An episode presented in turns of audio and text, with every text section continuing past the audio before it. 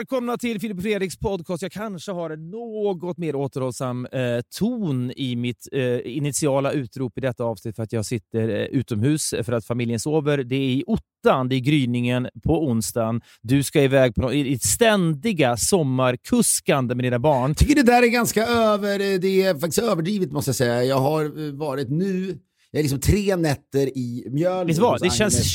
Tjackigt när du kuskar runt mellan olika liksom, Vimmerby och... Det är, så, det är någon jävla bild av mig som ska liksom cementeras som jag börjar bli trött på. Jag börjar bli Jo, trött på den bilden Sluta av bete mig. dig tjackigt på semestern då. Fan, vad gör jag? Jag har varit nere, först var jag nere i Como, det var ju bara, det var ju bara jag och Agnes. Nu så sen så var det så att... Säg jag, nu aldrig mer, Lake, folk har påpekat att du säger Lake Como. I, svenska säger Como. Men jag tänker fortsätta säga det. Ja, men fortsätt, jag ska fan.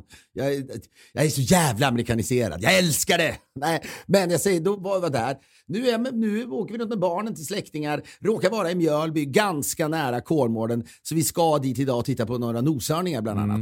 Och det är ju inte tjackigt, det är ju att, det är väl ett ganska vanligt beteende hos en förälder och en pappa under sommaren, eller? Det kanske det är. Jag har, jag har tappat kontakten med den typen av vanligt beteende för länge sedan i, i, mitt, i mitt föräldraskap kanske. Det är onsdag morgon då och det är igår kväll som Sverige åkte ut mot Ukraina i ur EM och syftet med hela den här stunden... Men det, får jag bara här, tjackigt, vad är det du menar? Att, att jag gör grejer med mina barn är tjackigt? Ja, men det känns som att det är mycket aktivitet. Att det är aktiviteter hela tiden. Jag vet inte, det känns tjackigt. Ja, För det enda jag gjort, gjort är liksom, jag badade i Vättern igår. Sen har de sprungit runt Ja. och plockat vinbär.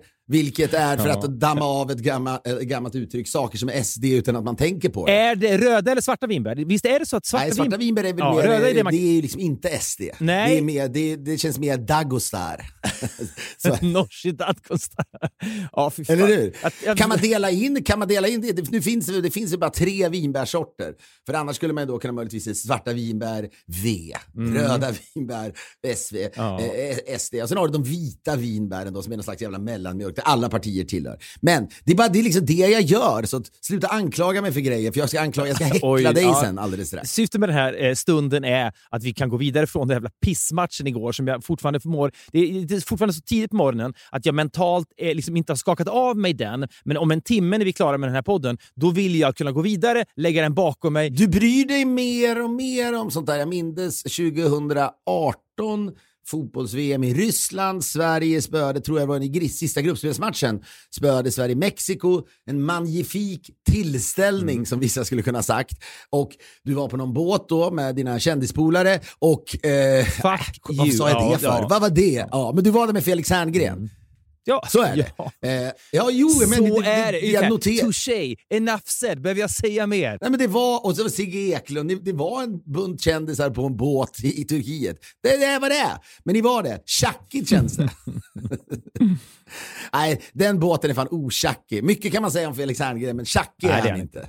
Inte heller Sigge Eklund. Nej men då var du, alltså då gick du liksom loss, det var nästan lite liksom, du var överdrivet glad tänkte jag på nästan. Du var helt lycklig, du pratade, du messade mig om att det liksom var bästa kvällen på flera år och sånt där sa. Ja. Men det vittnar ju om vad det här betyder, det vittnar om vilka känslor du investerar i den här typen av, av matcher då. För under en vanlig säsong i Premier League, då kan du, du, du kan bry dig lite grann, men det är ingenting som hetsar upp dig överhuvudtaget. Det jag hade gjort igår, var, det smarta igår, var att jag hade då förberett mig för matchen genom att se ett inslag om en typ åttaårig tjej i Ukraina som spelar fotboll. Och Jag tror att hennes pappa eh, dog i någon slags krig mot Ryssland, det är i oroligheterna på något sätt. Och nu är fotbollen allt hon har och nu vill hon bara att hennes lag ska gå vidare. Är det så att du, är det så att du, du, är det så att du summerar kriget i Ukraina där alltså ryssarna går in, bara plockar åt sig Krim hundraprocentigt igen, även om de har väl haft någon kontroll där, och sen bombar loss och så vidare. Det är oroligheter för dig. De slogs för demokrati. Absolut, för dig är det ja. oroligheter. Jo, men det är Absolut. roligt. Ja, det är kul. Men då så såg jag det inslaget två gånger för att känna mycket med den här åttaåriga tjejen. Så om Sverige då kan jag Och åtminstone... med Ukraina då i förlängningen. Ja, precis. Då kan, jag tänka, ja, då kan jag tänka på henne. Hon är åtminstone glad nu. Hon behöver det här mer än jag.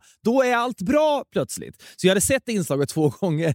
Men sen när då de gjorde mål så jävla sent, då var ju inte hon top of mind för mig, den här 80-åriga tjejen, längre. Men jag tror att jag idag kanske får se om det inslaget en tredje gång för att tänka, åh vad bra hon mår idag. Det Det är, är så jävla, måste säga så, så jävla chockad. Utöver den där pinan och man, man satt och, och, och, och tänkte, måste jag säga, i andra eh, halvlek att men det här vinner de ju. Man vaggades in i det där berömda lugnet. Jag kände samma lugn med Frankrike som jag också bryr mig väldigt mycket om. Det har du irriterat dig mycket på genom åren och, och kanske fortfarande irriterar dig på. Men du var väldigt omtänksam när du skrev ett mest till mig faktiskt. Det var mer så här, hur mår du idag då? Det var inget det var inget så här gå vidare-aktigt eh, eh, mess på något sätt. Eh, så måste jag ändå säga, jag känner verkligen att jag har kommit någonstans i livet mm. när jag under en sån match och efter en sån match mässar med Aftonbladets eminente, kanske den bästa sportkrönikören Sverige har haft någonsin, och ett absolut toppklass i hela världen, Simon Bank. När jag mässar med honom och känner att han och jag mässar om den här matchen. Ja, Aldrig känner jag mig kändiskåtare när jag mässar med Simon Bank. Ja. Det är helt otroligt. Ja. Jag känner verkligen, fy fan vad jag har kommit någonstans. Är det, något jag, är det något jag är färdig med så är det hyllandet av svenska sportjournalister som Erik Niva och han, för att de, de ser det stora perspektivet i fotbollen. Jag är trött på det. Skriv bara om ja, men Har jag sagt det? Jag, han är en poet, Simon. Oh, Simon skriver vackert. Släpp det där. Det är han. Han är en poet. Visst absolut. Gud vad trött du är på det. Ja, men jag skulle säga, då, så jag, jag, jag kände väl ändå, då kände jag samma sak med Frankrike under den matchen. Det här grejar de. Sen blev det straffsparkar och då fattar man, nej, det här kan nog bli svårt. Och så ser man Kylian Mbappé och går fram och ser helt skräckslagen ut. Det är ganska lätt mm. ibland att känna det där kommer gå åt helvete. Man vet ja. det på något sätt. Han klarade inte av det. Jag kände ändå, jag var superdeppig efteråt men kände ändå, fan vad skönt att det var Mbappé som missade, att det inte var exempelvis den unge Tyram som är 19 år som gör det och ska bli liksom hatad av ett helt land, utan Mbappé, han, han, han han klarar detta. Samma känsla tycker jag man hade åtminstone med svenskarna. Att, och Emil Forsberg, man kan inte nog hylla honom ändå. Mm. Men han var, han var ju otrolig på alla jag sätt vet. och vis. Sundsvall, Fredrik. eh, kanske du kan känna. Nej, den åttaåriga tjejen i Ukraina däremot. Jag tänker bara på henne nu. Fan vad bra hon mår idag. Hon har sovit ja. gott. Nej, men sådär. Men då kände man att, då kände man att det skulle eh, kanske gå vägen. Och sen så, ja, den här volatile fotbollsspelaren. Det har jag sagt under hela, eh, eh hela EM, även tidigare, att Marcus Danielsson är ändå en människa man kanske inte riktigt ska ha ett landslag. Han är en bra spelare, men det känns som vad som helst kan hända hela tiden. Han är lite som, eh, han, är, han är kolerisk känns det som i sin spelstil. Plötsligt exploderar han bara på fel sätt. Vårdslös är väl ordet. Men när jag såg den där tacklingen så kände jag också lite med Ukraina måste jag säga. När jag ser att dobbarna går rätt in i knät. Och att när Emil Forsberg står lite och skrattar lite grann, inte kan man bli utvisad för det här. Och så hade vi då hemma sett det där. Det där var ju, det är ju nästan brottsligt. Ja, men, kan, ah, ja, men fan bryr sig? Ja, skitsamma det, jag ska ja. komma någonstans. Mm. Men då kände man sådär, och sen blev det ju deppigt då när de var bara eh, tio man och så tänkte man ändå att det började gå så jävla nära eh, straffläggning att det kanske är en sån här kväll då Sverige vinner mirakulöst och tar sig vidare och det blir hjälte. Och sen hjälte. åker ut mot England, det är också en tröst. Nu slipper vi åka ut mot England. Drömmen i världen hade ju varit att Sverige hade spöat ut England. Egentligen så här, man är ledsen för att Sverige liksom förlorar matchen, men framför allt är jag ledsen för att Sverige inte fick chansen att trycka till de självbelåtna eh, engelsmännen. Nej, men jag, jag, känner, jag upplever en stor... Det är två saker jag lutar mig mot. Det är den åttaåriga tjejen i Ukraina som mår jättebra idag, sovit gott. Eh, äter en, eh, kanske inte stadig frukost då, men åtminstone en frukost nu och är lycklig. Det är jättehärligt. Hon kanske inte har mat, hon kanske inte mat Nej, kanske inte ens det. Men hon har åtminstone en, en kvartsfinal att se fram emot. Du ligger, där, du ligger i din recliner och blickar ut över Medelhavet och tänker på den fyraåriga flickan i Ukraina Ja, det gör jag. Jag gör det. Och hon, jag är med henne nu i sinnet. Det är som den gamla Allen Ginsberg-dikten I'm with you in Rockland. Jag tror att det handlar om hans mamma som låg på mentalsjukhus. Men jag är med henne just nu och jag tänker även på att nu slipper vi möta England och åka ut mot dem, för då hade jag mått ännu sämre. Bra! Vi är denna vecka sponsrade av ATG som tuffar vidare med EM. Det är ju någonting med EM, man kan åtminstone nu äntligen så att säga fokusera på fotboll igen. Nu kan man slippa Sverige, man kan sluta tänka på det och så kan man bara okej, okay, är när är det bra och härliga matcher igen? Ja, jag gillar det där att sitta och slökolla på något liksom Tjeckien och sånt där. När, när, man inte, när man inte, när man inte mm. har någon, några liksom eh, känslor överhuvudtaget eh, investerade. Nu är det så länge sedan muren föll så man kan inte sitta och tycka synd om tjeckerna och tänka på Vladislav Havel och 68 utan nu kan man bara, ni är vanliga jävla fotbollsspelare, men ni spelar kanske vackert eller ni spelar fult. Och då är det också kanske, då är det kanske bättre om man ändå, man kan ju spela då eh, på eh, hela EM. Det kanske är någonting också att man, man spelar mindre med hjärtat eh, och, och magen. Man blir lite smartare. Betyder inte ja, att man vinner naturligtvis, men det är ett annat typ av spelande än när man går in, satsar pengar på att Sverige blir... ska vinna.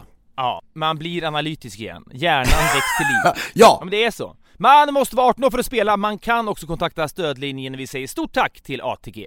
Vi är denna vecka sponsrade av Hedvig, servicegenierna som håller på att förändra försäkringsbranschen i grunden. Det är ju någonting när man stöter på femstjärnig service oavsett vilken bransch man rör sig i. Man väntar sig kanske ingenting. Jag var i Paris häromdagen. Ja, men där är servitörerna givetvis otrevliga som as. Det är, är Frankrike, är Frankrike egentligen själva definitionen av usel eller ovarm service. Det är liksom Ja. motsatsen till Hedvig. Ja, så är det. Men när man då plötsligt får ett leende av en sträng fransk servitör och någon som är behjälplig på något sätt, springer över till en annan restaurang och hämtar en IPA som de inte hade, då blir man ju golvad. Så det är ju någonting, man är väldigt mottaglig för glädje när man stöter på bra service och det gör man med Hedvig. Ja, då kan man ju känna den där känslan som du känner när en fransk servitör eh, ler åt dig. Att det är så ovanligt så att du nästan blir över... Liksom, så att du nästan blir för lycklig. Den får man jämt hos Hedvig. Gå in på hedvig.com slash Filip Fredrik.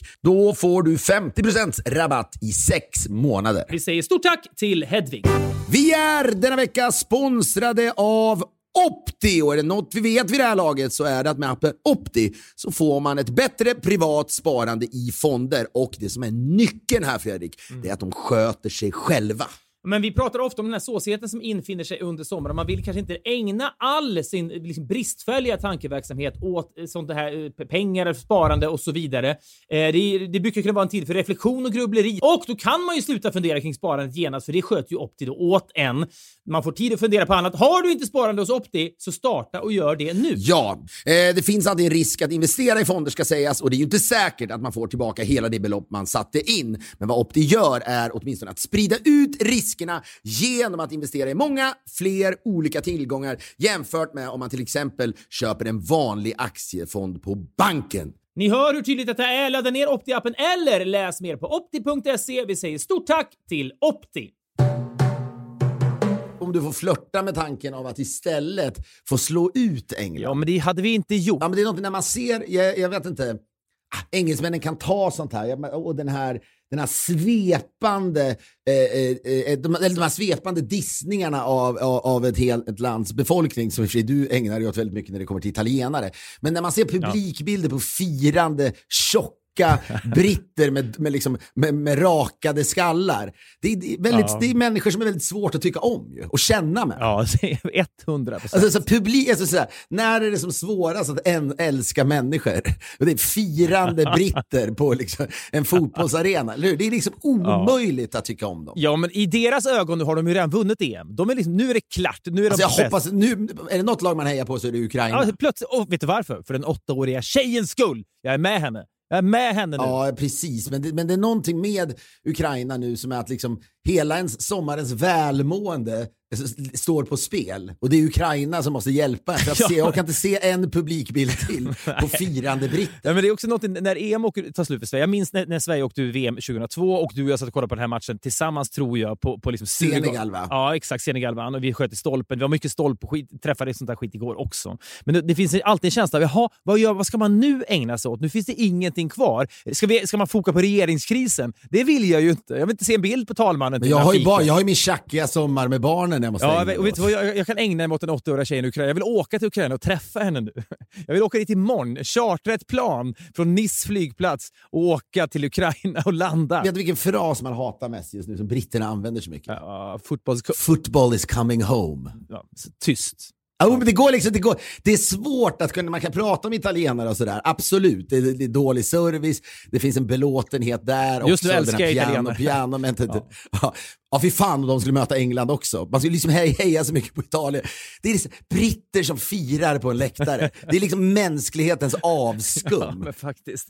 Det är det verkligen. Och sen kan man samtidigt, det, det, det, sen kan man då, det, vad he- vad heter han den här, det är liksom Ken Loach-människor, men det är som är den här regissören som hade skildrat brittisk arbetarklass Ja, på, på förnämliga sätt, eh, givetvis.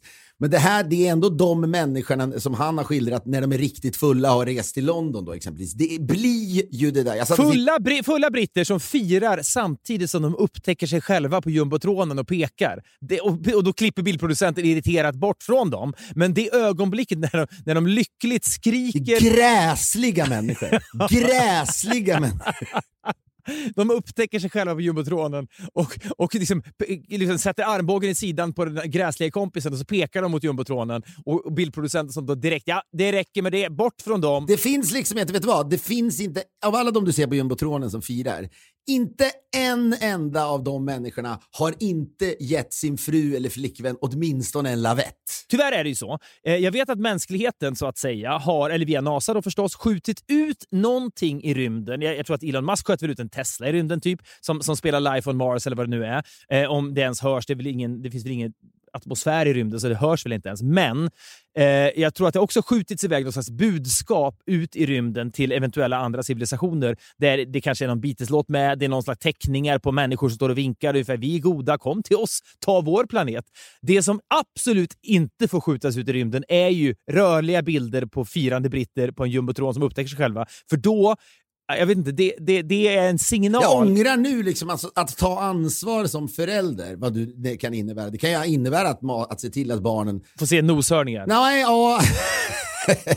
Nej, det, det är att spela över. Det är tjackigt. Men jag tror att egentligen är väl vad man har för ansvar som förälder är ju bara att barnen ska må bra. Det är väl nästan liksom, juridiskt sett är det ju det tror jag. Och att de ska ha vet, mat på bordet och så vidare. Men det är också att ta sitt ansvar. Jag gjorde inte det igår, men jag borde liksom kallat in Tage och Ilse och sagt så här det här, när man säger jumbotronbilderna, så här, det här är de enda människorna på jorden som inte, som inte borde få leva. Det här, det här, det, det här är en del av er uppfo min uppfostran av er. Det är, är, liksom, er, er, livets skola är att ni nu får bevittna detta och lära er att detta är gräsliga Nu känner jag så här, fan vad jag hoppas att de åker ut. Det är liksom helt sinnessjukt. Och den, den är liksom Harry Kane som pussar sin ring, du vet vigselring när han har gjort Och han är lite gentleman sådär. Ja, ja. Visst, Raheem Sterling kan jag känna med att han är tufft jävla liv, tuff uppväxt. Vet du vem som har det tuffare? Den åttaåriga tjejen i Ukraina. Ah, det är jag inte säker på. Jag tror att hon, han har haft det skittufft. Men det är liksom någonting med det. Och sen den här Garrett Southgate som ska vara liksom lite värdig på slutet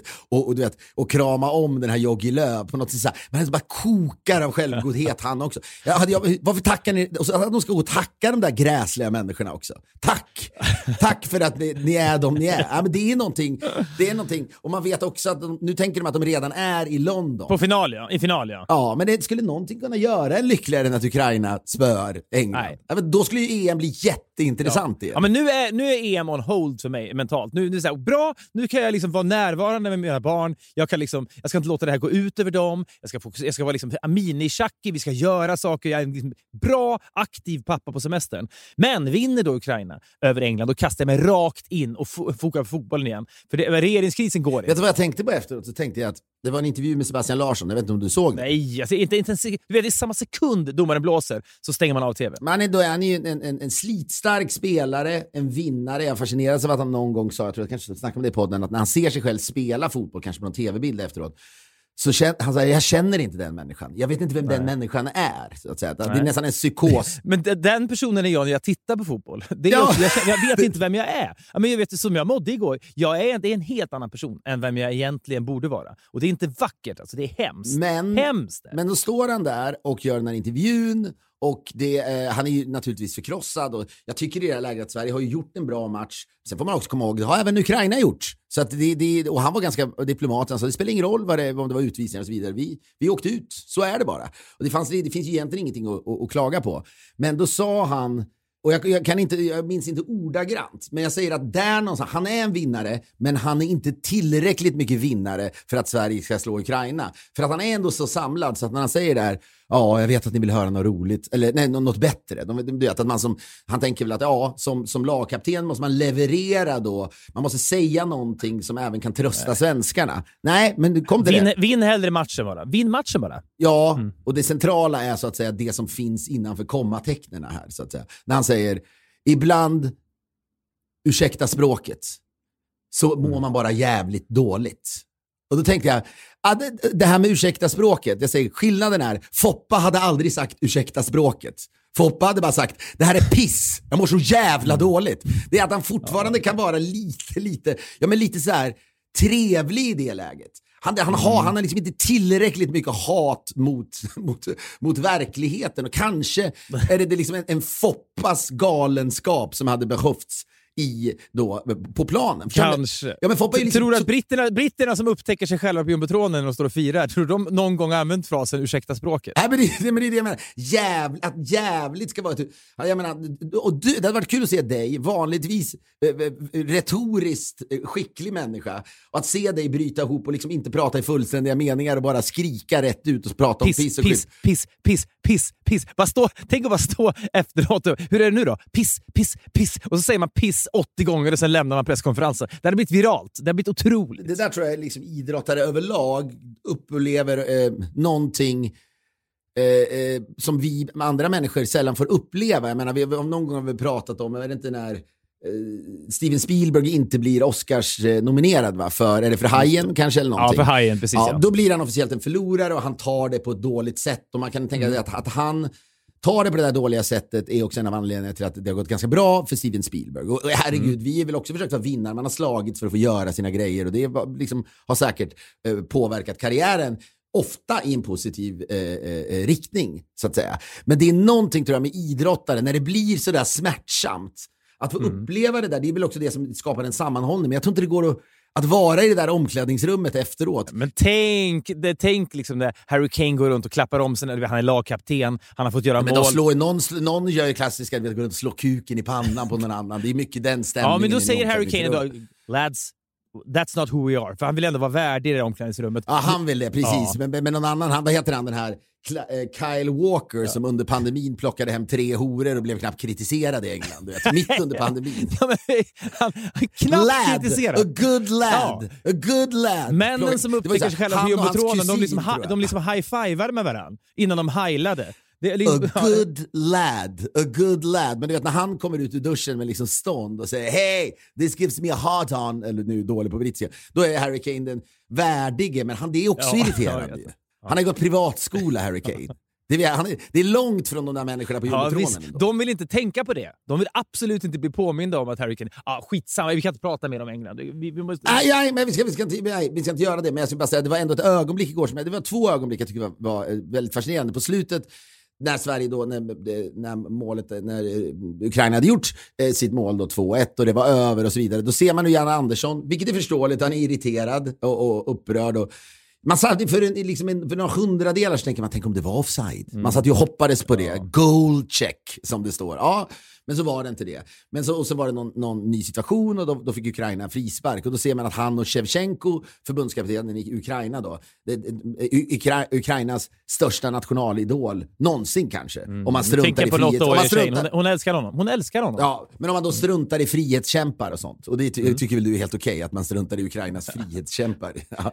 Ja. Men det finns, och så finns det bröderna Klitschko som är också väldigt stora, de här boxarna. Men skitsamma. Jag hörde när du och jag var i Kiev för massa, massa år sedan, vi skulle besöka Tjernobyl. Man kan också tänka på de som dog i Tjernobyl, Fredrik. Ja, man kan tänka på dem. Man behöver massa olika balsam för, för skallen idag, så att man bara kan gå vidare. Men då kommer jag ihåg att då berättade vi någon, någon, någon människa, någon guide där, som sa att det, Ukraina är naturligtvis lite korrupt, men de sa att, att, att Shevchenko behöver aldrig underkasta sig några lagar i Ukraina. Det är inte skrivet, det finns inte ett juridiskt dokument kring detta. Men känslan är, han gör vad han vill i det här landet. Men lite grann som vår kung kan inte bli åtalad för mord, det är väl en sån här klassisk grej. Om, om kungen skulle mörda någon, då kan han inte bli åtalad för det. Sen kan, jag vet inte vad som skulle hända om han gjorde det. Men ett liknande då, inofficiellt dekret finns för den här Shevchenko. Otroligt, vilken otroligt intressant premiss för någonting. Mm, men film en kung kanske. Mm. som mördar någon. Ja, men det finns ju någonting där. Vad gör hur landet, och så här, du vet, då måste vissa då som en sån här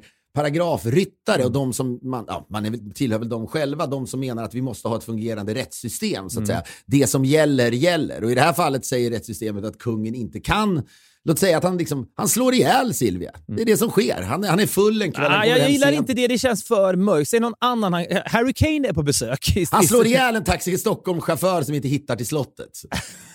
Kan han inte slå ihjäl Harry Kane då? Men det, så, det måste ju vara någon i kungens närhet ändå, något han möts av. Han slår ihjäl någon. På, Ja. Han slår ihjäl, du vet. Chris O'Neill. Ja, okej, han slår ihjäl. Inte- ja. inte lika Men det mörkt. intressanta är då, när, vem, hur ska man då hantera det? Ja, det finns ju en, en moralisk skuld som, som man kan definitivt belasta kungen med. Men det är ändå, man skulle behöva säga, ah, han kan ju inte enligt lagboken här, så kan han inte. Orsin Cantwell i Aftonbladet skulle behöva skriva det. Vi kan skrika hur mycket vi vill, kungen är fri. Han är fri, han sitter idag och firar på Sturehovs uteservering med, med liksom en Long Island Ice Tea och säger vad ska ni göra? Ni kommer inte åt mig. Ja, men han kan ju inte veta Victoriadagen på, på Öland där alltid, det känns alltid som Hanna, Hed. Hanna Hedlund och Martin Stenmark och sådana där uppträder och Mark Levengood. ja, Mark Levengood är alltid konferencier. Ja, och sen är det någon trollkarl, du vet, som Tobbe Trollkarl eller någon som går in. Eller vänta!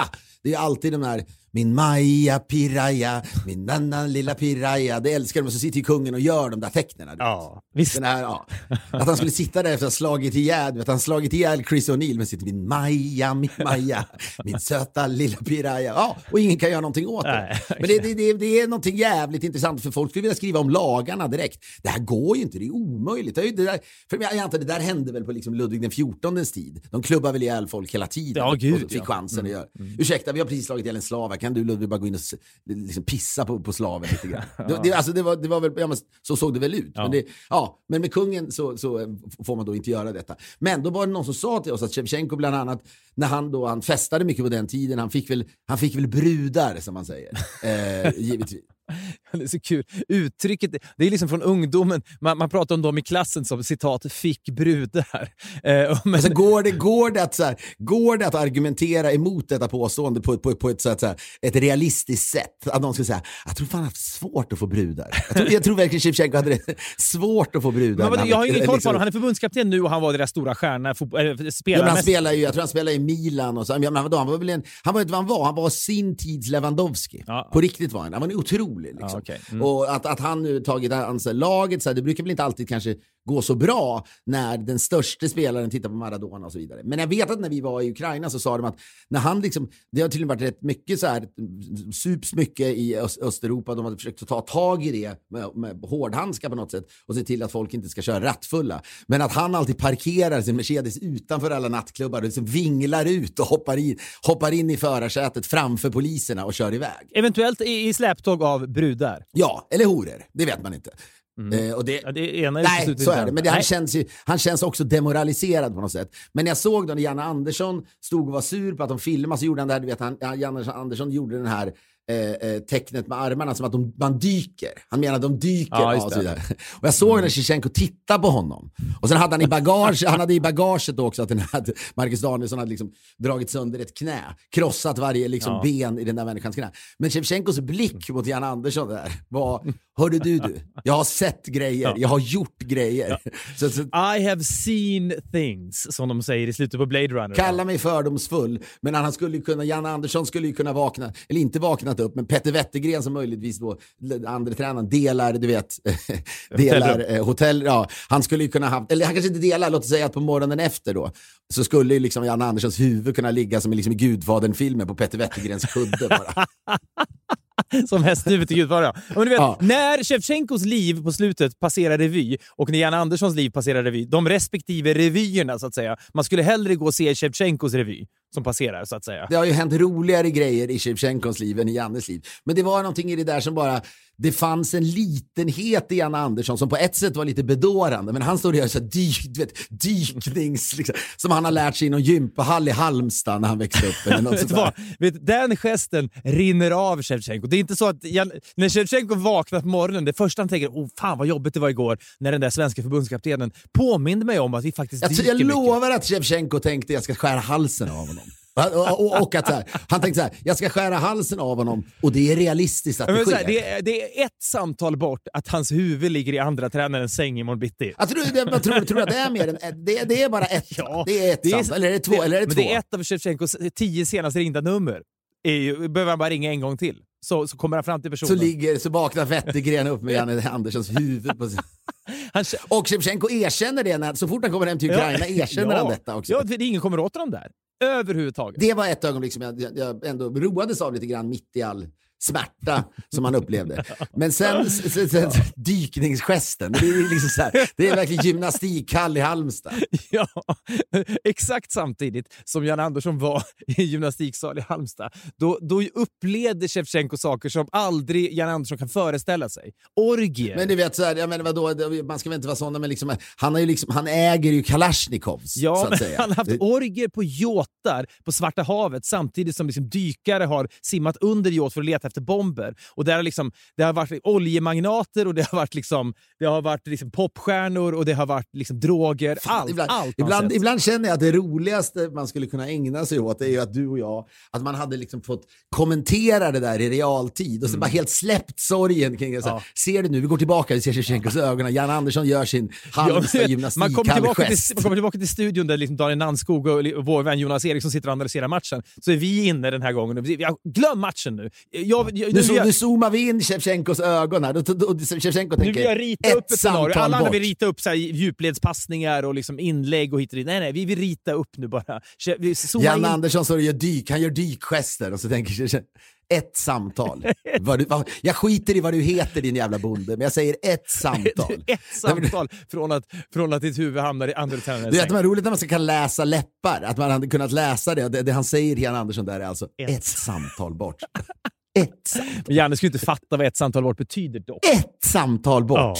Och, du, och du vet, du har ingen aning om vad som kommer hända. Nej, nej, nej. nej. Ett samtal bort och jag kommer hem till Ukraina och skrattande sitter jag i en talkshow och berättar om det. Ja, men hade jag kunnat så hade jag liksom gärna liksom klivit in, landat på liksom Ukrainas flygplats, Kievs flygplats, med liksom Jan Anderssons huvud. Man, han lyfter det i en triumfatorisk gest bara. Men det är mer effektfullt om andre tränaren vaknar och märker att något är fel. Något är fel. Uppstoppat den 10 juli, åker där hem med Jan Anderssons huvud bara. I, väs, i, re, I resväskan skickar den igenom security på du vet, så här, Gatwick.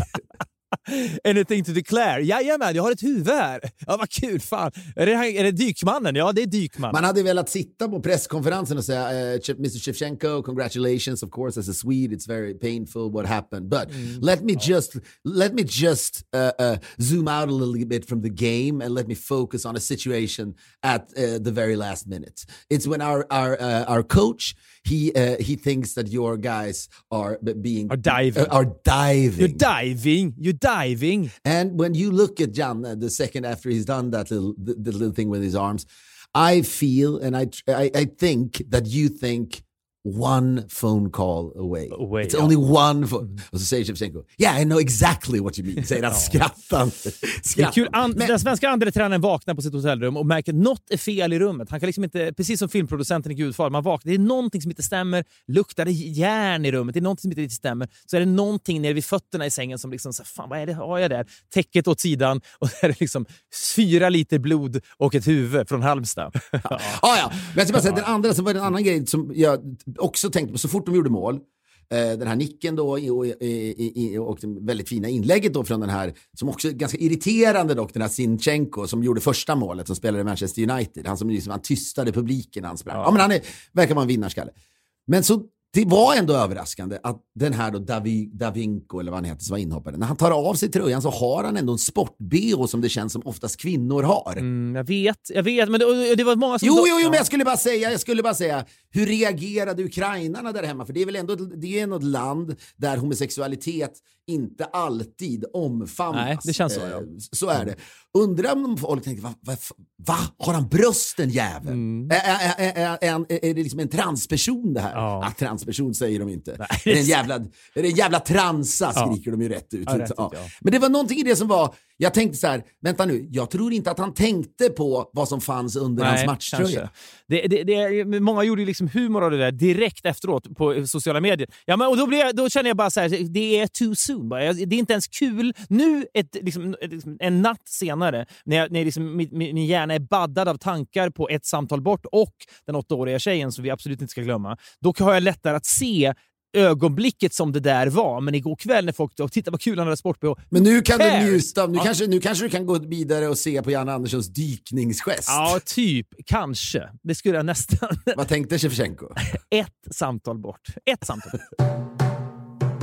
Vi är denna vecka sponsrade av AMF. Det handlar alltså om tjänstepensioner. Och det här tycker jag är intressant. Man måste ju då tänka på framtiden och så vidare och se till att de här pengarna förhoppningsvis då som man investerar eh, blir större. Men jag tror överlag, Fredrik, att numera så känner också folk att Samtidigt som de vill att pengar ska växa och sådär, så vill de också känna att de gör något bra för, så att säga, världen i stort. Ja, ja, så är det ju verkligen. Jag såg då en lapp i hissen med någons son i huset som har satt upp då en lapp när han säger att han kan ta hand om avfall och ta det till återvinningen för en mindre slant. Vad fint det fick mig att tänka på hur slöa mina döttrar är som ännu de säljer pepparkakor max. Men de har, som, något sånt här har de inte kommit på än. Men det är ett exempel på vad man kan göra för att världen ska bli en liten bättre plats att tänka på framtiden. Ja, allt man gör då varje dag så kan man göra en, två, tre, fyra investeringar i framtiden. Men då såklart, en av de större investeringarna man gör i sitt liv som man kanske inte tänker på, men som de flesta gör, är var man har sin då tjänstepension. Då är det ju bra att veta att AMF jobbar för att pensionspengarna ska växa och investera i sånt som ska vara bra för miljön och samhället i stort. På så sätt kan du vara med och bidra till en bättre framtid. Läs gärna mer då om hur AMF gör på amf.se och detta gäller traditionell försäkring. Vi är denna vecka sponsrade av Fyndik, där fynd blir till. Fyndik har då ett väldigt, väldigt bra eget koncept. Det heter Nästan ny och det är med betoning på begagnad elektronik. De har alltså allt ifrån iPhones av den senaste varianten till första modellen eller en Samsung smartklocka eller en Apple Watch och så vidare. Ja, och gemensamt för allt det här, vilket kanske då antyds i namnet på företaget, det är ju att allting kommer till bra priser och eh, mm. den här elektroniken du då pratar om, den är refurbed. Det vill säga, om det kanske har varit någon som har använt en telefon så är den då helt återställd och fullt fungerande. Vilket är att den är nästan ny, men den fungerar ju som en helt ny telefon. Detta är genialt, men det här är bara en liten, liten del av hela sortimentet vi pratar om just nu. För att hitta grymma fynd i precis då alla kategorier, gå in på fyndik.se, f-y-n-d-i-q.se. Vi säger stort tack till Fyndik. Vi är denna vecka sponsrade av Lendo. Vi vet ju alla hur krångligt det kan vara att söka lån som egenföretagare. Du och jag vet det framförallt när vi drog igång då i slutet på 90-talet som egenföretagare. Kom du ihåg vad vårt företag hette? Framgångsfabriken heter vårt lilla handelsbolag. Vilka idioter vi var! Men vi var ju helt pank i det läget. Vi var, ju verkligen, vi hade inte råd att betala någonting. Och då började man göra företagslån. Vi, var, vi hade ju inte, som man säger, gynnsamma villkor, tror jag. Nej. Och det där låg ju kvar att släpa hur länge som helst. Alla de här olika smålånen. Och det var ju, det var ju först när man insåg, vänta, man kan slå ihop alla de här lånen till ett lån. Mm. Eh, och det var ju då man, man fick en, en upplevelse, det, det rann till, som man ja, säger, av verkligen. lycka. Lendo är ju Sveriges största jämförelsetjänst för både privat och företagslån. Så går du som småföretagare exempelvis då i lånetankar för att investera i nya lokaler, kanske nya inventarier till lagret, finansiering till kassaflödet, då kan Lendo hjälpa dig att hitta rätt företagslån. Går du i lånetankar, börja alltid på lendo.se. Vi säger stort tack till Lendo det är någonting med dig. Jag, jag är ju eh, väldigt inaktiv på Twitter. Ibland kan jag ha ångest för det. Jag känner så här, vem är jag? Jag borde kanske vara aktiv där. Men, sen, ja, men Snälla du, du är ju tjackig på andra sätt. Ja, men så jag orkar inte ta tag i det. Men då fick jag det från en kille som heter Jonathan Blomqvist som kanske är då en, en lyssnare eller tittare. För att han vet om att jag inte är på Twitter så han skriver måste ändå dela, klockan vid midnatt kom det där, måste ändå dela med mig av Twitter-tilten från Wikingsson. Ja, tilten säger man det, det kanske man gör. Eh, men då, så, då eh, ligger jag i sängen med mina, mina barn och eh, har, otjackad men redo för att vakna upp och åka till Kolmården. Men jag roar ja, Det är därför all... vi spelar in podden så här tidigt, för du har en späckad dag framför dig. Det, jag, kom, jag tror inte jag sa det i början, men det är därför vi spelar in så här tidigt. Och, eh, eh för att du har en, en ja, fullt schema med bland annat Ja, men det är väldigt kul för att du, det, jag blir verkligen ja, men blir road av det och jag, liksom, tycker ju om dig för att du ändå är så jävla naken och det känns som att att, att du, det, du är en för sig, du är till, tror du du skulle kunna gå över gränsen totalt? Eller har, finns det, är du kontrollerad på något sätt? Ah, nej, jag vet inte. Jag... Ja, men det känns ju som att du, du, du är ju aggressiv. Då har vi då Emanuel Karlsten här mm. som är en eh, en trevlig man. Mm. Vi har uh, jobbat lite grann med honom och han är, uh, ja, han, han, blev liksom pan, den, vår största pandemiexpert mm. på, på journalist, uh, inom journalistskrået i alla fall. men han skriver då, jag orkar inte det här. Det här är exakt anledningen till att jag inte kan följa fotboll vardlig, vardagligdags jag är helt slut och då har jag bara suttit i soffan i 90 minuter. Så han måste börjat titta när matchen har börjat då. Eller stått framför den. Och så skriver du bara saknar tweeten du raderade nyss om att vi förtjänade det här. Det är så jävla aggressivt av dig. Hade han skrivit någonting? Man hade lagt ut en tweet om att det här var ett slut vi förtjänade och nu går vi vidare. Typ. Och då blev jag så jävla... Är så, här, saknar tweet. Det är lite Shevchenko-beteende. Ja, jag, tog faktiskt bort det i morse. Jag kände, vad fan, vem är jag? Det var jätte... Han tog... Saknar tweet där du raderade nyss Ja, men jag känner- om att vi förtjänade... Ja, jag, Det är liksom, vad ska du bråka med folk för? Nej, men jag skickade, jag, jag, jag, det var en liten bo- jag hade faktiskt suttit här på morgonen eh, några minuter innan vi bör, började podda och raderade lite tweets själv faktiskt. Eh, Thomas, Will, Thomas Wilbacher då som har den här Toto Balutto-podden Mm. som själv är känd för att vara liksom fullständigt vårdslös och skriva på Twitter och du vet, pissa på gamlingar. I princip pissar, han pissar väl på gamlingar som dör i covid. Eller han tycker åtminstone att, att man, det är viktigare att barn får åka skridskor och, och syssla med idrott än att vi räddar de äldre. Ja men det tycker jag, tycker varit lite jobbigt när han har skrivit. Men han skriver då, vi faller tillsammans, vi reser oss tillsammans. Det är en slags nationalismton i det där som jag märker som alla nu använder. Men det är, det är väl fint. Jag också tycka att man vågar prata på det där sättet. Det är inte rasism. Kärlek till allt engagemang före och under det här mästerskapet och så skriver du bara too soon tyst. Vad fan, vad är det? ja, jag vet. Jag vet. Vad fan är Så det? jävla otrevligt. Men så jag, jävla det var också otrevligt. väldigt upp, jag vet, eh, jag satt och såg matchen eh, på en, på en krog eh, i Frankrike med Alex Schulman och jag var sen dit och var stressigt. Så jag hade hämtat barnen på flygplatsen, de har flugit ner hit och det var stressigt så in i helvete. Alltså, Bor de på luftmadrass hemma hos er eller?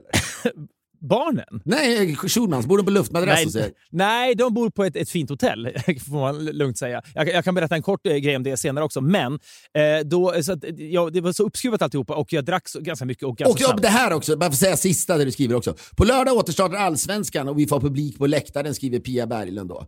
Snäll, Mm. och du förstår, hon har liksom, Pia Berglund har ju drömt om det här i ett och ett halvt år nu. Eh, hon sitter Mm. inte med Alex Schulman på Rivieran när hon gör det här, utan hon liksom, någonstans sitter hon väl hemma och försöker liksom peppa svenskarna och de som då eh, gillar alls, eh, allsvenskan. Då skriver du bara nej, punkt. Vad fan är det? Jag, jag, jag är ju inte stolt över det. det, det var, ja, men jag är, jag, Varför ska du ge dig på Pia Berglund? Nej, det behöver jag inte. Det behöver jag verkligen inte. För, jag, men Fy det, jag, fan, jag, jag, jag, har sagt det tidigare. det där, jag, då. jag har sagt det tidigare. Fotboll tar ju också fram det sämsta i människan. Britter som står och upptäcker sig själva på Du djupet. är ju britt. Ja, Du är ju britt. Du är 50% britt, 50% Shevchenko. Det Pia Berglund känner, upplever, är en känsla av att du säger till henne ett samtal. Ett samtal bort. Jag, jag, ber, jag, jag ber, alla känner om Ja, ursäkt. men jag, Jag här, jag, jag, jag, jag roas ju något alldeles oerhört av detta. Eh, Det var något du skulle säga om Alex Schulmans hotell. Nej, men det var någonting, det var en, en väldigt, det är någonting när man blir en annan ju. Det är det jag har upplevt under det här mästerskapet. Det ska bli jätteskönt att vi återgår till den här bedrövliga personligheten jag vanligtvis är när man inte behöver investera så mycket tjänster. Eh, för när man upptäcker att man inte riktigt är sig själv, då, då är det aldrig kul. Och då häromdagen så skulle vi ner, jag och min fru Johanna skulle ner till eh, det här hotellet. Du vet ju vilket ho- hotell du Cap, det är ju ett, ett jättefint hotell. Men Eden Rock, det är vä- världens dyraste hotell. Där man, jag vet inte om det är så länge, men fram till bara för några år sedan måste man alltid betala cash där nere. Ja, jag, exakt. Jag, var inne och kollade, för jag, ska, jag kollade där någon gång, för jag lite bara, åh, ska ner på bröllop dit om ett, tag, om ett tag. Så tänkte jag, vad kul det vore att bo där. Men jag tror det kostar en f- 40 000 natten tror jag. Ja, det inte vet jag. Det är, det är väl... ja, Det är, Jo, det gör det. Det är kostar det. Det Det, kostar var, det. det är också Harvey Weinsteins favorit och han bodde ju alltid där när han var på filmfestivalen i Cannes. Så det är liksom den, den typen av hotell. Legendarisk efterfest där 95 då när Pulp Fiction hade premiär, gjort succé och Bruce Willis har äntligen fått vara med i en creddig film eh, eh, efter alla de här actiongrejerna han gjorde på 90-talet. Så då, då ordnade han en jättefest på Hotel du Cap där han tar notan då för alla människor och dagen efter när då, eh, det har varit lite stökigt, då går han in i receptionen med 100 000 dollar i kontanter och ber om ursäkt för sveda och värk. Det är så bland det bästa man vet är kändisar som tar no amerikanska internationella kändisar som tar notor. Stora Ja, notor. men det, är, det är något kul att höra om det. Det är befriande. Men då ska vi ner Men dit. det är där Alex Schulman bor. Ja, då, då ska vi käka middag där och då eh, har jag klätt mig lite fint i linnekostym. Nu ska jag vara den där personen. Är lite utklädd förstås, men det är också lite kul att eh, ibland vara någon annan. Får jag komma till det då innan, då måste jag avbryta dig nu, för det var det jag skulle prata initialt om, att jag skulle häckla dig. Ja. Eh, det är roligt, jag pratar ju ofta om att eh, Emil Persson, vår eminente producent för Alla mot alla, Mm. eh, att jag ibland upplever det som att ni två liksom snackar skit om mig på håll. Du är, så, ja, Ja. du är så jävla paranoid också. Tjackig paranoid och liksom... Frågan är ändå, har det skett, ja eller nej? Ja, men det sker väl om alla människor att man tjackar. Jo, men jag det- tänker ändå, ibland njuter ni av mig, där ni sitter och hittar på något jävla skit om mig. Men Ja. det var roligt att nu, fick, nu ville han då häckla dig tillsammans med mig. För han skickade en skärmdump från, jag tror att det är Amanda Schulmans story, där du och Alex sitter och du sitter i en linnekostym. Och så Mm. skrev jag mig bara, kostym på. Och det han menar är ju att du blir någon annan när du är med Schulman. Det har ju snackats om det tidigare, att alltid när du är med Schulman, bara för att Alex alltid har kostym, så tar du också på dig kostym. Det är en märklig underkastelse du ägnar dig åt. Där. En sak, en sak är ju sann och det är att jag bär upp kostym bättre än många andra. Det kan jag, det, Jo, jo, ja. men det är jo, jo. Men det här med att det, du har aldrig kommit liksom till min middag. Om du och jag käkar middag, har du aldrig dykt upp i kostym? Nej, men inte du heller. Nej, men jag säger, men jag, jag säger att om jag skulle träffa Alex Schulman på Rivieran skulle inte jag ha på mig kostym. Nu har jag en jävla kostym hängande. Du kan väl för fan ta på mig den en gång. Det, men visst, Jo men du förstår vad det är Jo men du förstår vad det är Emil reagerar på. Han har sett det förut. Mm. Och det är så, kostym på. Som det, Ja, skitsamma. Det, det, jag, Ja, men det- det är märkligt. Du, jag tänker inte på Emil Persson, jag tänker på den åttaåriga tjejen i Ukraina. Det, jag, men det är en märklig maktbalans. Det är väldigt få gånger man ser att... Jag menar, du och jag har ju, det här har vi pratat om tidigare så jag ska inte stanna vid det. Men någon gång vi hade ett möte i USA med den fina agentfirman UTA. Mm. Vi träffar han Jeremy Zimmer som träffar oss. Och ja, framförallt du gör ju ett otroligt intryck på honom då. Och han blir väl nästan förälskad i oss. Det mynnade väl ut i ingenting till slut. Nej. Men han tyckte vi var väldigt intressanta. Det berodde bland annat på att du då bara plockade, du hade kommit en stor systemkamera i en- i plastpåse och att du tog av dig skorna och satte strumplästerna Ja, på Ja. under, under ja. Så att säga, när du träffar Jeremy Zimmer, som du till och med har liksom läst böcker om, du vet mycket väl vem Jeremy Zimmer är, eller hur? Det är liksom en av de stora agenterna i Hollywood. Då kommer du in och kör t-shirt och inga skor. Men när du ska käka middag med Alex Schulman, eller du vet till och med när du går med barnen hem till hans lägenhet på Östermalm i Stockholm, då är det också kostym på. Det har ju Emil messat förut till mig också. Kostym på. Ja, vad fan, okej, hur fan, bryr sig. Men det är också att jag ska till det hotellet. Kostym Ja, men, på. kostym Ja, på. ja. Det är, det jag ska ju till det hotellet, det är det framför allt. Det är, Jag vill också att du ska vara irriterad på Emil. Ja, jag, vill att du ska vara lite Ja, irriterad. Det rinner Ja. av Ja. mig till stort. Men det som händer då, jag messar Alex och säger ja, vi kommer ner, det blir kul här. Eh, kolla bara att vi får ta med hund in så att det inte är något problem med det. Inget problem, jag kollar det, säger han. Eh, och så går det liksom ett par dagar. Vi åker ner dit, det är långt, det är liksom en timme med taxi för att komma dit. Det är trafik och det tar evigheter, så kommer vi fram och så ska vi in. Du vet, det är så många portar att åka igenom det här hotellet också. Det är liksom en hel process. Och i den första porten så säger vi hello, no, we have, uh, we can have dinner, Du vet. Eh, no dogs. No dogs at the hotel. Och då har vi ändå, med, vi, vi, kan inte, vi kan inte vända, vi kan inte göra någonting för att vi är ju där och kommer inte hunden in, då är det ju kört. Så då går jag ur bilen och ska då börja argumentera med dem hur, liksom, hur, hur långt jag... Ett samtal. Ja, men Ett samtal. Ja, men vet du vad? Jag tänker så här, jag har på mig en linnig kostym, jag har på mig solglasögon. Han kan ju tro att jag är vem som... Han kan tro att jag är en människa. Ett, som är mycket, mycket kändare än vad han är. Som är någon som därför bör få ta med hunden in. Och det andra är ju då att jag kan vara en en samtal bort-människa, för det bor ju gangsters och sånt på det här hotellet också, sannerligen. Så jag tänker, genom att vara imposant och liksom rakryggad nu och ha lite attityd, då kanske jag kan övertala den här vakten om att jag är någon så viktig att hunden bör få åka med in. Det måste kunna göras undantag för detta. Så jag står, går ut och försöker lägga ut Gud, texten. här ska man då visualisera den mycket oskyldiga hunden Bob, som inte vet alls vad som händer. Och som jag aldrig har hatat mer än i denna stund. Han har aldrig känts Den onödig. naive Bob som tror att det är välkommen överallt. Stend. Men jag fattar inte egentligen varför lämnade ni inte hemma? Skulle ni, är det så att ni också sov på hotellet? Nej, nej, nej. Men det är bara att, vi, att hunden ska väl inte vara själv sex timmar. Det är väl inte så kul för den helt enkelt. Det är, det är, ja, det är Nej, kanske inte. det Nej, barnen har inte kommit hit, så det, det är tomt här helt enkelt. Men då, då står jag länge och lägger ut texten om hur, hur enkelt det här är och jag tror att vi kan ordna det här. Jag försöker Amerikansk engelska? Ja, verkligen. Och jag försöker då i skyddet bakom solglasögonen och linnekostymen bli en annan person. En person som har utstrålning och karisma. Som kan ta mig förbi detta hinder som kommer att liksom lägga sordin på hela kvällen annars. Kvällen är ju förstörd annars. Detta måste jag bara lösa. Så jag står och har en monolog i kanske en och en halv minut när jag försöker, försöker låta som en mycket viktigare person än vad jag är. Och det första vakten säger när jag är färdig då med min rutin är Sir, I'm sorry, your fly is open.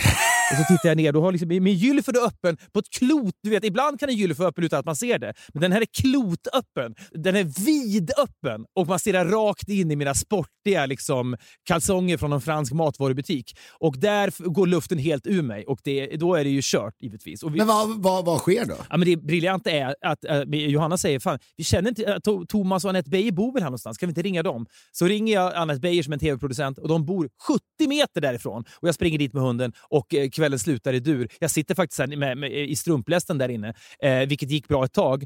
Eh, till jag inser att jag har någon slags svampinfektion under en stortånagel, vilket inte flög inne på Nej, det behöver vi inte höra. Det behöver vi inte höra. Men var det, var det så, bjöd, du bjöd inte Anette Beijer och Thomas Beijer med på middagen? Eller Ja, men vi hade inte bord för dem. Eh, och de hade varit ute kvällen innan, så det behövdes inte. Men, men, eh, ja. Men jag är lite orolig, för, jag är lite orolig nämligen för hur snabb du var när du bara dumpade av hunden ganska otacksamt och sen att du hämtade upp den på samma sätt. Eller? Ja, men vet, jag hade rört mig lite grann inåt och sen när jag fick tag tag på Beijers då, så, så, så gick jag ut förbi vakten som, jag, som nyss då hade påpekat att min gylf var öppen. Och då så, sa jag, så pekade jag på hunden och så sa jag I'm gonna throw him in the ocean. Som ett skämt då. För det var det jag skulle gå och göra med Och då stirrade han på mig för att han trodde nog ändå att jag skulle kunna göra det. För att jag var så desperat att få äta där. Var det inte jobbigt? Det känns som att Alex borde, och Amanda, hade inte de liksom pullen för att kunna... Kan man inte liksom, nej, det var omöjligt. De hade inte den makten där. Nej, men det, det, hade, det, det, verkade, det var en policy det inte gick att rubba på. Shevchenko hade ju kunnat rubba på det, tveklöst. Ja, men, inte jag. Nej, men Shevchenko hade ju bara gått förbi den där vakten. Och, liksom, hans polare hade stuckit en kniv, liksom punkterat lungan på vakten direkt. ja, tveklöst. Ja, usch. I andra ändan av detta ska jag bara säga, eh, eh, för jag, jag älskar den där typen av berättelser och jag älskar också att kostymen är på mm. när du träffar Alex. Ja, men det är också, jag tycker också det, det, det, det rörande med anekdoten är att gylfen är öppen och att jag fortfarande är densamme. Jag kan inte bli Det mest rörande är att du har kostym. Kostym på. Jag mådde väldigt bra när jag fick det, för jag kände ja, ja okej, det är inte Nej. alltid jag som häcklas. Det är inte bara jag som får den skärmdumpen Nej, som du förstår. Jag fick mest av Jerka Johansson samma kväll och som skrev någonting om li linnekostym bär du inte upp. Så här. Folk ja, sitter och avundsjuka. Det, det, det, det, är liksom grupper. Folk är också avundsjuka. Ja, jag vet. Folk är avundsjuka på att jag kan bära upp en kostym också. Det måste vi väga in. Just det, alltså, det kan nog vara vanligtvis, men här tror jag det är någonting, jag vet inte, det, det, det, är, det är någonting med just att folk inte är vana vid att, att, du, att du liksom, i hög och lågstatus. Att det, det, är någonting, det, det, det är någonting märkligt i det bara. Men det är härligt tycker jag. Vad är det, en ny kostym eller? Nej, inte fan vet jag. jag vet inte ens, det finns ingenting att säga om kostymen men att gylfen är oberäknelig. Kostym på. Ja. Men jag bara, jag bara, säga att jag, jag, jag sitter i ett, ett växthus i eh, Mjölby, eh, som ju ligger utanför eh, eh, Lidköping kan man säga, och Norrköping lite grann. Ganska nära Kolmården. Och har varit där i några dagar, det var jättetrevligt och jag sitter och spelar in den här podden här på morgonen. Och igår så skulle jag till apoteket och hämta ut lite medicin. det låter som jag alltid gör det, men det, det, det, gör jag inte. Men då skulle jag, för att jag hade lite Vad var det för medicin? Det måste jag ändå kunna få. Ja, jag kan komma till det alldeles strax. Men då, då så, eh, så åker jag ner på stan, eh, barnen är kvar här hemma och du vet, släktingar som tar hand om barnen. Det är inte tråkigt. Det, det, är, inte, det är ingen tråkig känsla. När man, är, man inte ens är rädd, man kör några extra varv kring, liksom, runt i kvarteret för att man, man tänker nu ska jag njuta av det här. Ja. Men så eh, kom jag ner till först liksom, apoteket Kronan eller vad det heter. Det är så jävla lång kö. Och jag visste inte om det, då berättade Marie här, som, som är en av släktingarna eh, till Agnes, berättade att så här, på tisdagar är det någon slags liten rabatt för pensionärer så att de eh, får gå på eh, apoteket. Och det måste man ju ha respekt för och förstå. Det är lite svårt att, det är, liksom, det är lätt att dras med i, i Hotel du Cap, Eden Rocklivet. Men det finns också folk i Mjölby som liksom går ner på apoteket på en tisdag för att de får 5% rabatt. Det är jag medveten om numera. Ja, men jag, lever, jag gör ju likadant. Herregud, jag var ju, jag var ju Lake Como förra veckan. Men så står jag där och det tar så jävla lång tid. Du vet, jag tittar på den som jobbar där, så hur kan ni ha, du vet, den känslan, hur kan ni ha en människa? Om ni nu vet att det är tisdag och pensionärerna kommer hit, väller in. Rush hour. Hur har ni en människa som kan liksom lämna ut eh, recepten så att säga? Och jag står där ett tag, bara stått i liksom 30 minuter, sen bara, fan, det, det, det, går, jag kan inte göra det här. Och sen så, då, eh, så sa hon, det ligger ett annat apotek här uppe, så jag kommer till ett annat apotek och där är det lika lång kö. Men då drabbas jag av någon slags insikt, så tänker jag, Vet, det är någonting med, och det här vet ju att du känner till, du tror ju mig på det här också. Det, och mitt, när man snackar om liksom olika världsmetropoler och sommarsemestrar i värmen. Så men det är någonting med svenska småstäder. Man är så djupt rotad i det här. Man är uppväxt här så att man, man på ställen som ser exakt likadana ut.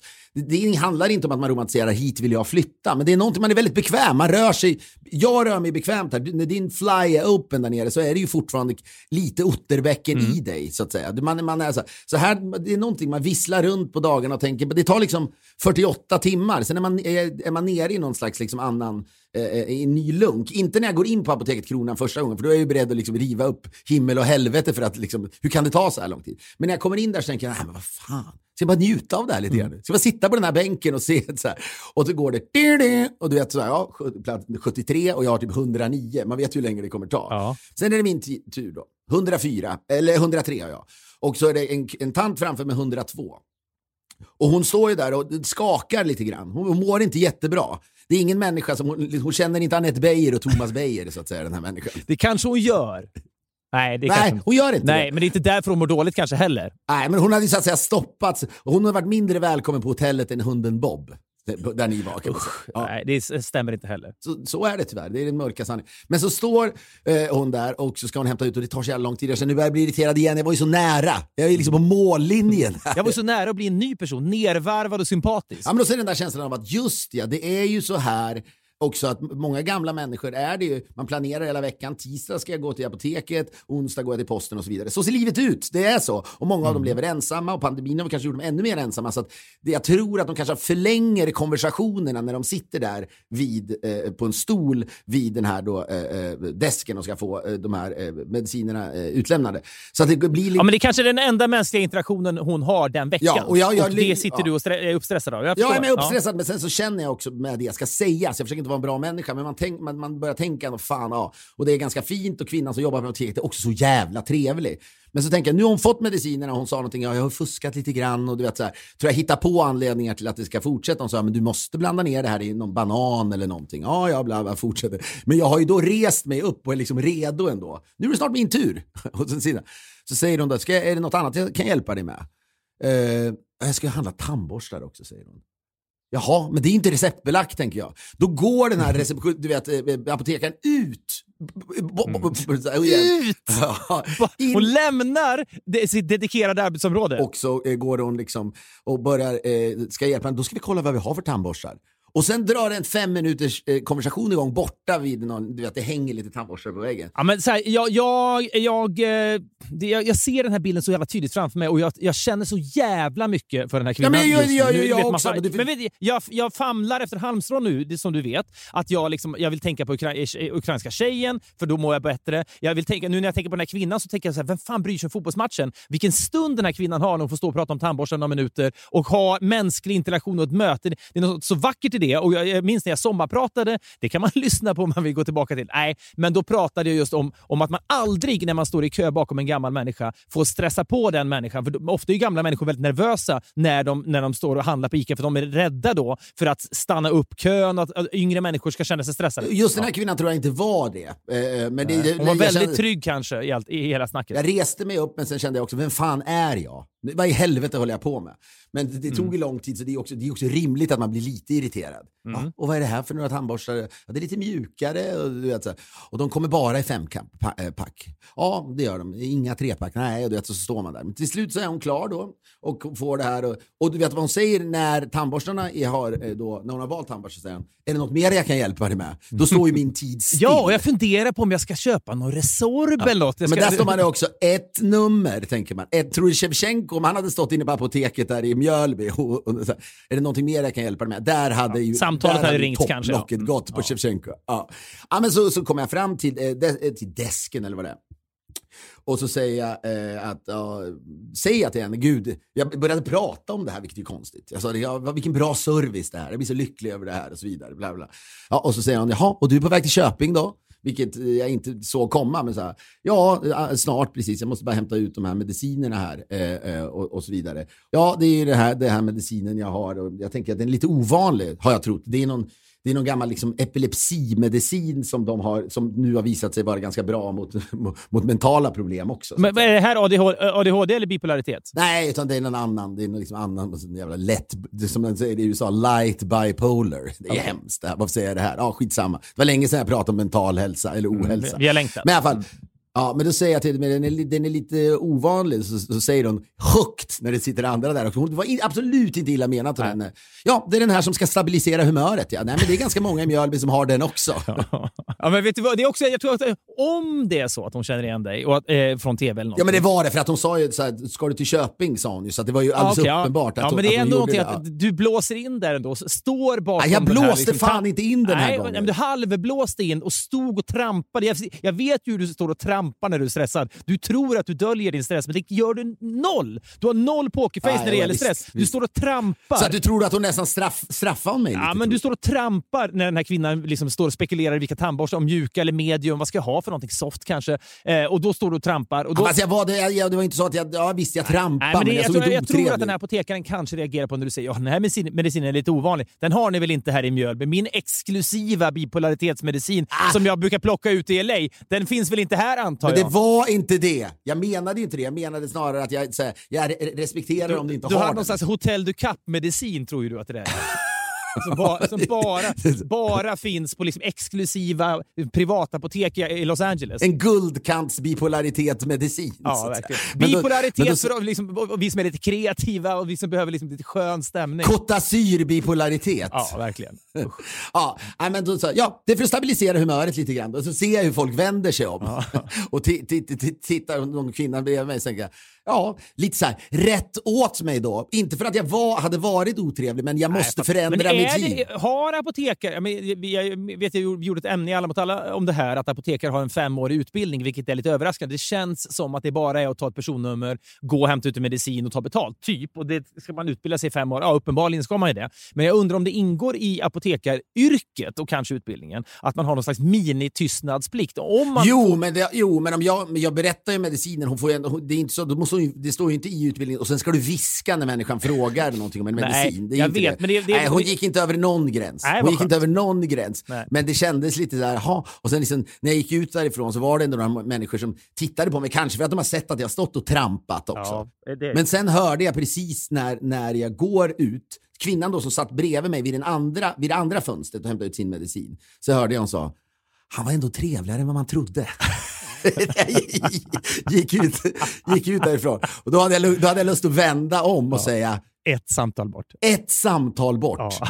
Ett enda samtal Ja. bort. Men det gjorde jag inte. Gjorde och nu du, måste jag åka till Kolmården fort som djävulen. måste jag Mm, åka måste dit. Ja. Tjackigt! Men jag måste ändå säga att den här stunden har tjänat till syfte för mig. Det är inte säkert att den har gjort det för, för lyssnarna som har begravt sig efter den här matchen. Eller så har de flesta kanske bara gått vidare för hundra år sedan. Det är ändå torsdag när ni lyssnar på detta, eller ännu senare. För mig har det varit någon slags... Eh, jag tänker på filmen eh, Det stora blå när man varit nere på 130 meters djup och dykt och sen åker man upp med hjälp av någon boj snabbt mot ytan. Inte så snabbt man får dyka sjuka, men man åker ändå upp mot ljuset och mot livet igen. Och Det känns som att den här poddstunden för mig har blivit det. Jag är nu redo att ta mig an en sommar utan bryderier, utan något jävla ångest och att livet är tillbaka. Det är jättehärligt. Så är det. Tack för att ni lyssnar. Ni får gärna mejla till oss också som vanligt. Vi älskar era observationer. Podcastetpoddff.com. Vi hörs igen om en vecka. Ta hand om er. Hej då!